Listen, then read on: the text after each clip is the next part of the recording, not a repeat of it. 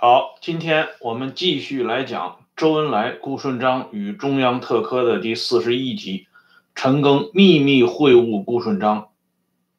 在说这个话题之前呢，我们先要给大家讲一个非常有意思的时间点，因为这个时间点呢，跟今天要谈到的这个主题息息相关。这个时间点就是在一九三二年十月份。在这个时间呢，发生了非常有意思的几件事情。一九三二年十月份，正是鄂豫皖苏区第四次反围剿战斗开始进入激烈的阶段。一九三二年十月份，在中央苏区，就是江西瑞金，毛泽东呢？在宁都会议上被打倒，周恩来取代毛泽东于一九三二年十月十三号正式接任中国工农红军总政治委员的职务，而也在一九三二年十月十二号和十三号这两天当中呢，坐着担架的即将被提拔到红四方面军担任参谋长的陈赓。奉组织的命令，从苏区去上海。那么这几个时间点呢？我们如果把它放在一起进行一下比对，就会发现这是一个非常有意思的事情。为什么这么说呢？因为在一九三三年啊，我给大家看一本书啊，在一九三三年，这个红四方面军的战史资料选编，《鄂豫皖省委关于反四次围剿及坚持斗争情况给中央的报告》。在这份报告里边呢，领衔的是沈泽民这些人。他的报告说呢，四次围剿以来，我们就和中央失去了联系。所以呢，他们急需想要同中央呢取得进一步的沟通，这样呢有了这么一个长篇的报告，向中央汇报鄂豫皖苏区在一段时间以来发生的种种的情况。这几个时间点串起来以后，我们就会知道，鄂豫皖所说的与中央失去的联系，实际上就是与。周恩来失去了联系，因为在一九三二年十月，周恩来开完宁都会议之后，他就与朱德从广昌出发，踏上反围剿的路途，回到红军的前线，因为他已经取代了毛泽东的地位了。而在这份呢，这个革命史资料里边呢，我们可以看到，原这个。一九五五年被授予军元帅军衔的徐向前的妻子，啊，原中央军委重要工作人员，周恩来手下的年轻的女将之一的黄杰，他呢，在这个革命史资料里边发表了一篇回忆文章，叫《中央军委工作在上海情况点滴》。黄杰呢，在这个回忆文章里边向我们说了这样一句话，他说。自党的第五次全国代表大会后，周恩来同志一直主持中央军委的工作。他对湘鄂西、鄂豫皖苏区以及长江局的一系列指示，都是对各根据地的建设和红军的发展发挥了积极的作用。换句话说，这一时期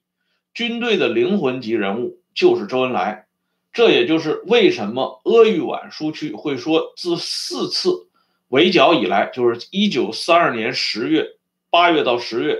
这一阶段呢，就与中央失去了联系。因为周恩来这个时候，一方面是积极的筹备宁都会议，一方面呢，在宁都会议结束之后，马上重返前线。因此呢，鄂豫皖苏区跟这个亲娘呢就失去了联系。而就在周恩来重返前线的前后，陈赓呢，在这个《陈赓传》里面。大家看一下官方修订的《陈赓传》里边，讲述在一九三二年十月的时候，红四方面军主力越过平汉铁路西进，陈赓拒绝了张国焘让他担任红四方面军参谋长的意见，要求离开部队到上海去治疗伤腿。这个事情呢非常奇怪啊！张国焘身为鄂豫皖中央分局的书记，代表中共中央在鄂豫皖执行最高权力。陈赓居然能够拒绝张国焘让他出任红四方面军参谋长的意见，而且呢，这个传记更有意思的是后边这句话，他说陈赓要求离开部队去上海治疗伤腿，得到了组织的批准。那陈赓。都拒绝张国焘的意见，他到上海去治疗这个伤腿，还得到了组织的批准。试问一下，这个组织是哪个组织呢？联系到周恩来在一九三二年十月份重返前线这一事实，以及比对陈赓的这个离开鄂豫皖去上海的时间，我们就知道，陈赓不会无缘无故的离开苏区。跑到上海去治疗伤腿，更不会无缘无故的在下一年的三月份突然出现在顾顺章的住处，而这一切呢，事实上都与周恩来有着直接的关系。陈赓正是根据周恩来的指令，到上海向中共中央，也就是博古、陈云、潘汉年。做有关特科方面工作的遗留问题的汇报与总结啊，顺带着呢，陈赓把当时红四方面军的一些情况也向博古做了简单的汇报啊，引发了后来呢，博古代表中共中央给鄂豫皖苏区又发了指示信。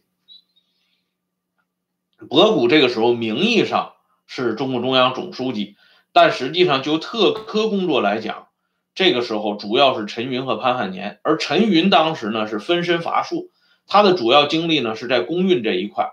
而且那个时候呢，上海国民党的镇压呢日益加紧，陈云呢不愿意更多的抛头露面，因此呢，陈云是处于半隐居的这个状态，更多的特科工作实际上都压在潘汉年的身上，而在一九三三年三月，陈赓。出现在顾顺章的住处，两个人做静夜长谈。这个事情呢，是顾顺章的妻子张永琴在上个世纪接受凤凰卫视的采访的时候披露出来的。但是呢，张永琴把这个时间记错了。他说，顾顺章和陈赓见面的时间是在一九三三年的春末和夏初，这个时间说的不准确，因为。春末夏初的时候，陈赓已经被抓起来了，他不可能从监狱里飞出来同顾顺章再见面，啊，他们俩见面的时间只能是在一九三三年五月，呃，一九三三年三月陈赓被捕之前的某一个夜晚，这个具体时间已经无从查考，而且这两个人之间的交谈呢，是屏蔽了所有人啊，甚至像顾顺章的这个妻子张永琴。也不得语文，于是呢，这两个人他们之间的这个谈话，从表面上看，似乎呢就会永远的被封存在历史的记忆当中了。外人呢已经无从知晓这个谈话的内容到底是些什么。不过呢，我们经常要讲的话是，没有不透风的墙。所谓人过留名，雁过留声。陈赓与顾顺章谈话的内容，我们目前虽然无从查考，可是陈赓和顾顺章谈话之后发生的几件事情，却帮助我们对陈赓与顾顺章之间的谈话的内容呢，有了一个初步的了解。发生了什么事情呢？就是当时顾顺章身边有两个。重要的小爪牙，一个人呢叫童国忠，一个人叫张文农。其中这个张文农呢，在陈赓与顾顺章谈话之后，他就领取了一项重要的任务。这个重要的任务呢，是要对一个人进行灭口处理。这个人呢，他的姓名已经淹没在历史长河里面了，也不知道这个人叫什么名。但是呢，他的位置是当时上海警备司令部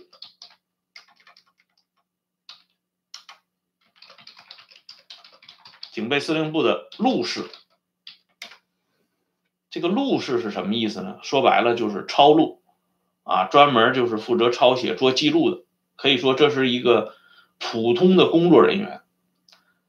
这上海警备司令部文书科养了很多录事，但是这个陆氏为什么受到了顾顺章身边的这个亲信张文农的垂青呢？并且一定要把他灭口呢？因为这个陆氏与一份重要的口供资料有直接的关系。这个口供资料呢，就是我们前面提到的原中共中央总书记向忠发。向忠发在羁押于上海警备司令部以后，他据说是留下了一份重要的口供资料，而这个口供资料我们前面已经讲过，啊，老一辈的啊，上海中共中央的。工作人员张继恩，他是否认这份口供资料，而且呢，这份口供资料非常奇怪的是，经过这个陆氏之手转移到周恩来手中以后，周恩来经过研究和判断，证实了顾顺章确系叛变投敌，所以呢，这份口供本身就存在着重大疑点。这且不说，关键是这份口供是怎么从这位上海警备司令部陆氏的手中转移到周恩来手手中呢？这里边呢就要提一下潘汉年的功劳。潘汉年呢，自从进入到中央特科工作以后，主抓情报工作，负责联系人。他呢，打通了一个重要的关系，就是当时上海市党部常务委员。兼上海市社会局局长吴醒亚，这个吴醒亚呢是同盟会的会员，十五岁参加中国同盟会。这个人呢曾经救过孙中山，就是陈炯明炮轰总统府的时候，吴醒亚救过孙中山，后来又安排到蒋介石身边，给蒋介石当过秘书，所以这个人的政治地位呢是很重要。特别是呢，他同二陈，就是陈果夫、陈立夫兄弟关系过重甚密，所以这个吴醒亚在一般这个材料介绍的时候都说他是中统特务头子。实际上，吴醒亚呢跟中统的关系只是很亲密，他本人并不是啊中统的特务头子。这吴醒亚身边有一个人物叫吴汉奇。这个吴汉奇就是潘汉年重点收买的对象。这个吴汉奇同这位遇害的上海警备司令部的陆氏，他们两个人的关系很好。这个陆氏呢，据说这个人的名字呢叫曹阿林，这里我只能说是据说，没有实质性的证据来证实这个人确实叫曹阿林。我听到的是一则传闻，就是说这个陆氏曹阿林，他同我们之前介绍的曹子白、曹炳生父子有一点的亲戚关系啊。这个曹子白和曹炳生呢，我们都知道是周恩来特科系统挖掘的两个重要的眼线。这个吴汉奇同这个所谓的曹阿林陆氏关系很好。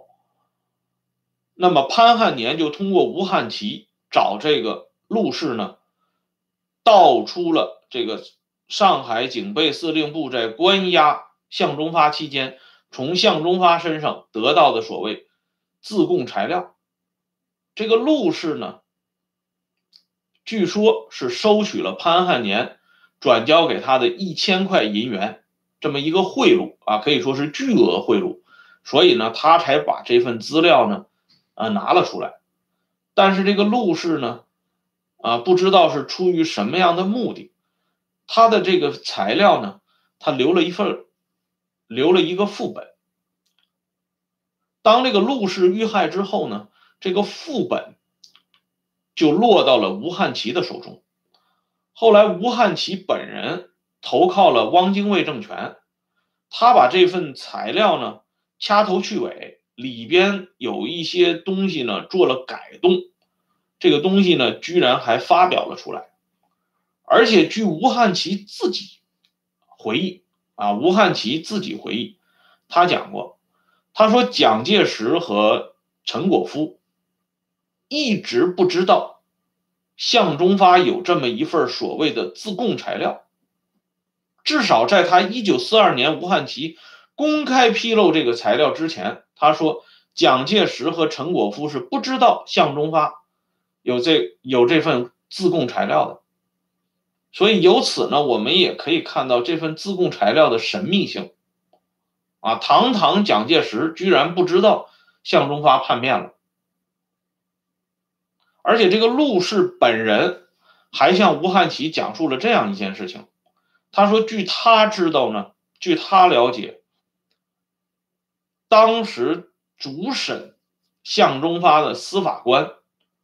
在没有拿到上峰的指令之前，就已经下命令把向忠发处死处决了。”啊，当然这是出自于吴汉奇的回忆，是不是有这档子事儿？后来呢，台湾在一九八五年，台湾方面出过一一本书，就是专门讲述这个向忠发被处决前后，啊，这书里边涉及到向忠发被处决前后的这个事情的时候呢，讲到了这个司法官的问题，跟这个吴汉奇的回忆呢基本吻合，但是这份材料呢。受到大陆方面的指责和排斥，大陆方面不承认这个材料的真实性。不管怎么说，这个身怀绝技啊，身带诸多机密的这个，据说叫曹阿林的陆氏，死于一九三三年三月，就是顾顺章同陈赓见面之后。可以说呢，对于向忠发身上。若干秘密的知情者，这个群体当中呢，又少了一个重要分子。这个曹阿林死了，后来呢，这个曹炳生在汪伪政权的中后期也被搞掉了。这样呢，围绕着向忠发的被捕、所谓他的叛变以及他的处决，这上面产生的一系列疑问的重要当事人，陆陆续续。都被送上了黄泉路。这件事情呢是很有意思的，而且这件事情为什么会发生在陈赓与顾顺章秘密会晤之后？这又是一个非常令人感到呐喊的事情。而我们都知道，历史研究从来是否认巧合的，因为呢，这历史某种情况下。是不存在巧合的，这就像我们以前经常看的那些电影电视剧，凡是演到侦破案发现场的时候，某一个人突然出现在案发现场，警方第一反应就是说这个人一定会和这个案子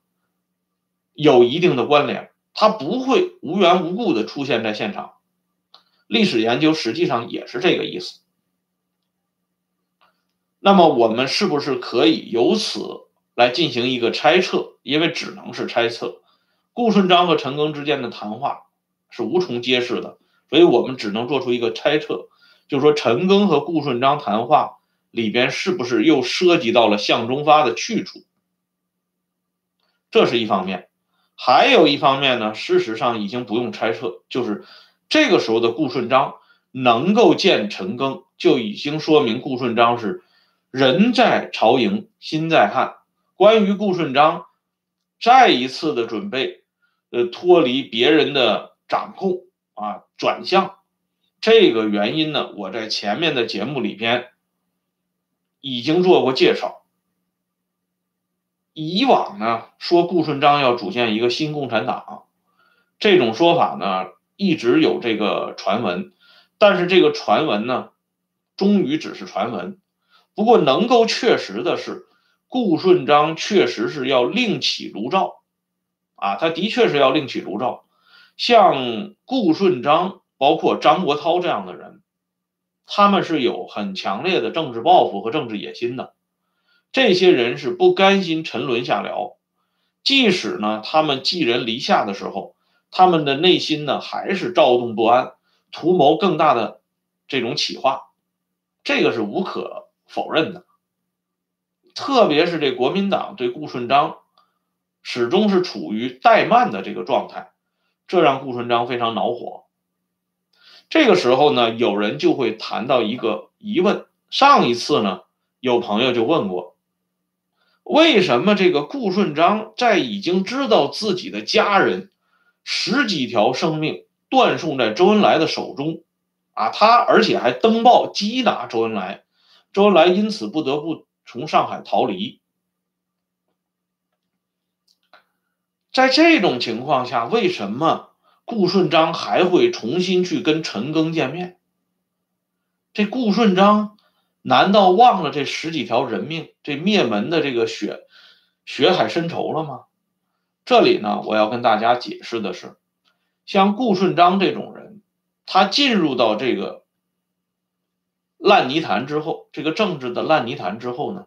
他的整个的人身心。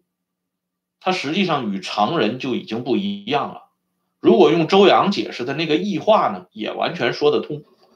他所考虑的永远是他切身的政治利益。他能不能通过政治运作来给自己增添更多的实际利益，这是他首先考虑的。而骨肉亲情呢，在一般人心目当中，自然是摆到一个很重要的位置。但是像顾顺章的这种这种政治人物，他是从来没有真正放在心上的，而且呢，他们这些长期从事这种秘密工作、秘密杀戮的这种人，他们之间呢是有一种心照不宣的默契啊。为什么这么讲呢？你看，在爱堂村的这个事件当中呢，周恩来。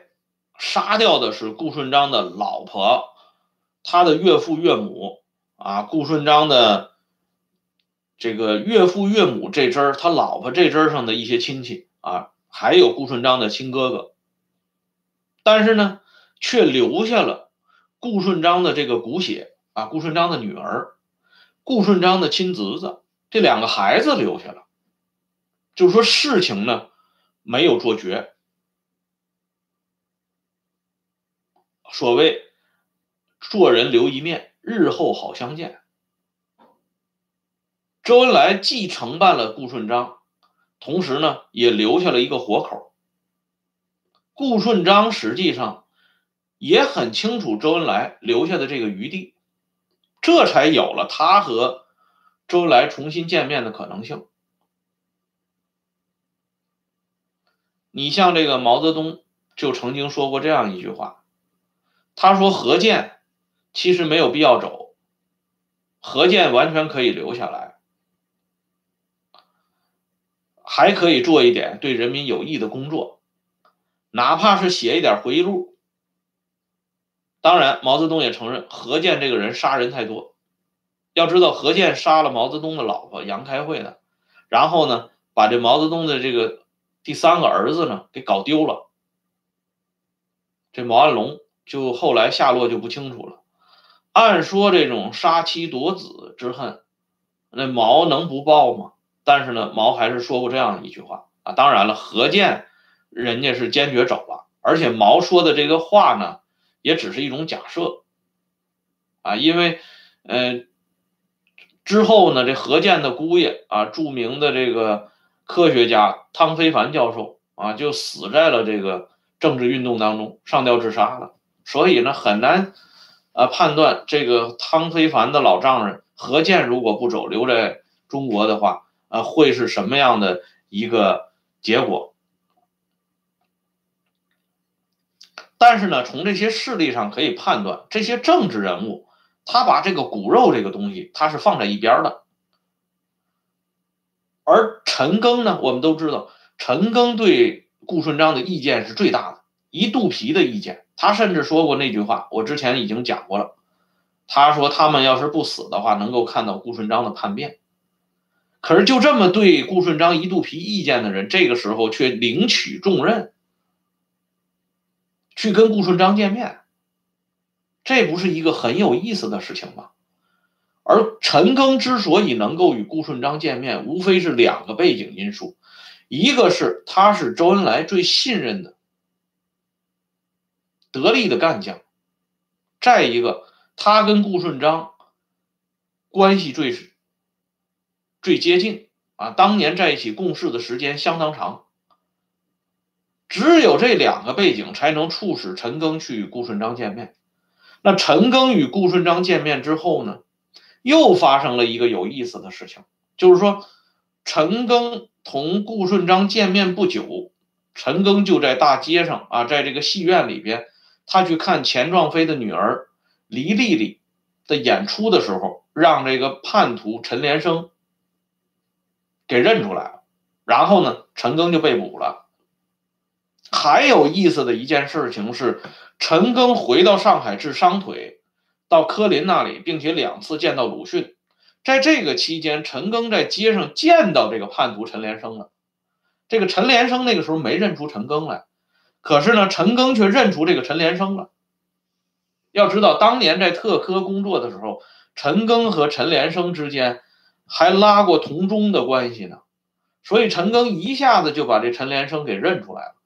因此呢，陈赓就找到潘汉年，跟潘汉年讲说这个。陈老莲啊，他管陈连生叫陈老莲。他说陈老莲这个人居然还活着，他对我的情况很熟悉，他认识我，所以这个人必须要除掉。潘汉年呢，表面上答应了陈赓啊，说没问题，啊，我们要想办法把这个陈连生搞掉。可实际上呢，潘汉年稍后通过欧阳新，还同这个陈连生之间。还发生关系了，